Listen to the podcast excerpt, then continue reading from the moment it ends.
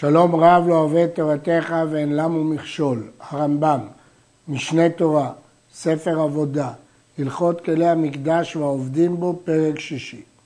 אי אפשר שיהיה קורבנו של אדם קרב והוא אינו עומד על גביו. וקורבנות הציבור הם קורבנות של כל ישראל. ואי אפשר שיהיו ישראל כולם עומדים באזהרה בשעת קורבן. לפיכך תיקנו נביאים הראשונים שיבררו בישראל כשרים וירחת, יהיו שלוחי כל ישראל לעמוד על הקורבנות, והם הנקראים אנשי מעמד.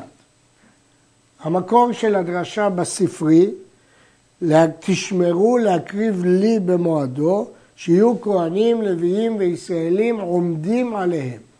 אבל קורבנות של כלל ישראל, קורבנות ציבור, אי אפשר להביא את כל העם לעמוד על הקורבן. לכן תקנו דוד ושמואל, שיבררו מישראל כשרים ויראי חטא, והם יהיו שלוחם והם אנשי מעמד. חילקו אותם 24 מעמדות כמניין משמרות כהונה ולוויה. כמו שלמדנו שהיו 24 משמרות של כהנים, חילקו גם 24 קבוצות של ישראלים של מעמדות. ועל כל מעמד ומעמד אחד מהם ממונה על כולם, והוא הנקרא ראש המעמד. בכל שבת ושבת מתקבצים אנשי מעמד של אותה שבת. מי שהיה מהם בירושלים או קרוב לה, נכנסים למקדש עם משמר כהונה ולוויה של אותה שבת, עומדים בשער ניקנור. והרחוקים שבאותו מעמד, כיוון שהגיע המעמד שלהם, היו מתקבצים לבית הכנסת שבמקומן. ומה הם עושים אלו שמתקבצים? בין בירושלים, בין בבתי כנסיות. מתענין בשני בשבת שלהם, ובשלישי, וברביעי, ובחמישי. אבל בערב שבת לא היו מתענים מפני כבוד השבת, כדי שלא ייכנסו לשבת מעונים.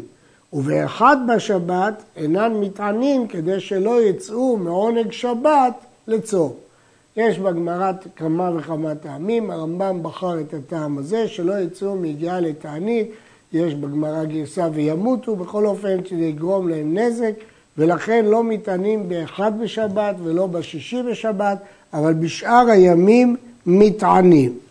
יש בירושלמי שסנהדרין גדולה היו מתענים איתם.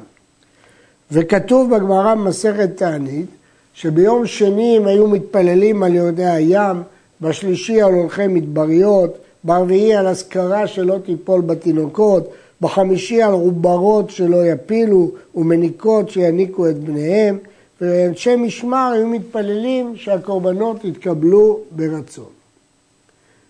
ובכל יום ויום משבת שהיא מעמדן, שבת כאן במובן של שבוע, מתפללים ארבע תפילות, שחרית, ומנחה ונעילה, ואהרון מוסיפים תפילה אחרת בין שחרית ומנחה, והיא יתרה להם.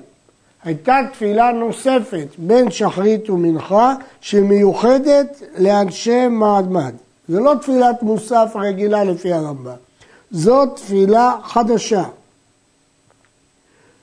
ונושאים הכהנים כפיהם במעמד שלושה פעמים בכל יום, בשחרית, ובתפילה זו היתרה ובנעילה. הרעב"ד חולק וסובר שהתפילה היתרה הזאת היא המוסף, שחרית, מוסף, מנחה ונעילה. אבל לפי הרמב"ם לא מדובר פה מוסף, ונראה בהמשך שבמוסף, יום שיש בו מוסף, לא היה בו מעמד, אלא זו תפילה נוספת מיוחדת. וקוראים בספר תורה שלושה אנשים פעמיים בכל יום, בשחרית, ובתפילה השנייה שמוסיפים, שלפי הרמב"ם היא תפילה רגילה, אז מוסיפים, קוראים שלושה, לפי הראב"ד, שזה יום שיש בו מוסף, קוראים ארבעה. אבל במנחה לא היו קוראים בספר, אלא על פה, כקוראים את שמה. ולא היו מתקבצים לתפילת מנחה בערב שבת, מפני שהם טרודים לשבת. זאת אומרת שבתפילת נעילה לא היו קוראים בכלל, היו קוראים בשחרית, בתפילה הנוספת, ובמנחה קוראים על פה. וקיבוצן לכל תפילה מארבע תפילות אלו, שחרית והנוספת ומנחה ונעילה, ועמידתם שם, אלה שקרובים בבית המקדש, בירושלים, אלה שרחוקים בבתי כנסיות, לתפילה ולתחינה ולבקשה ולקרות בתורה, נקרא מעמד. לדבר הזה קוראים מעמד. ובמה היו קוראים? מה הפרשה שהם קראו בה? היו קוראים במעשה בראשית. מדוע קראו דווקא במעשה בראשית? כי יש דרשה שאלמלא מעמדות לא נתקיימו שמיים וארץ. ביום הראשון קוראים בראשית ויהי רקיע. כל יום קוראים גם ביום שאחריו, כיוון שצריכים שלושה לקרוא, אין ברירה. בשני יהי רקיע ויקבעו המים. בשלישי יקבעו המים ויהי מאורות. ברביעי מאורות וישרצו המים.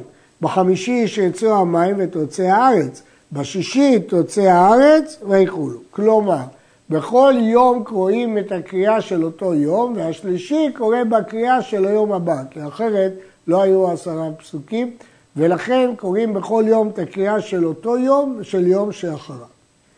פרשה גדולה, קוראים אותה בשניים. אם בפרשה יש שישה פסוקים, אפשר לחלק אותה לשניים. והקטנה, שאין בה שישה פסוקים, קורא אותה אחד. ושתי פרשיות שקוראים שחרית, הן שחוזרים וקוראים אותה בתפילה השנייה בספר, וחוזרים וקוראים אותן על פה במנחה. אותה קריאה עצמה היא בשחרית, בתפילה הנוספת, ובעל פה במנחה. אה, יש בעיה בקריאת היום הראשון והיום השני, אבל הבעיה הזאת נפתרת על ידי שקוראים את היום הבא. שמונת ימי חנוכה לא היו אנשי מעמד עושים מעמד בשחרית. הכלל הוא כתוב במשנה, כל יום שיש בו הלל, אין בו מעמד בשחרית, אבל בשאר התפילות יש. וכל יום שאין בו קורבן מוסף, לא היה מעמד לא בתפילה שנייה שלהם ולא במנחה, אלא בשחרית ובנעילה בלבד. וכל יום שהיה בו קורבן העצים, שנלמד בהמשך, לא היה בו מעמד בנעילה, אלא בשחרית ובתפילה השנייה ובמנחה. זאת אומרת, כל פעם שיש הלל או קורבן מוסף או קורבן עצים, היו ישראל טרודים. כיוון שהיו טרודים, אז קיצרו את המעמד. ומהו קורבן העצים? זמן קבוע היה למשפחות משפחות לצאת ליערים להביא עצים למערכה. ביום שיגיע לבני משפחה זו להביא העצים, מקריבים עולות נדבה, וזהו קורבן העצים. והיה להם כמו יום טוב, ואסורים בו בספד ובתענית ובעשיית מלאכה. כלומר, כיוון שזה יום חשוב, יום שהמשפחה הולכת להביא עצים לבית המקדש, אז היו מקריבים עולות, עולות נדבה. ולעולות נדבה האלה קראו קורבן עצים. לזה קראו קורבן עצים.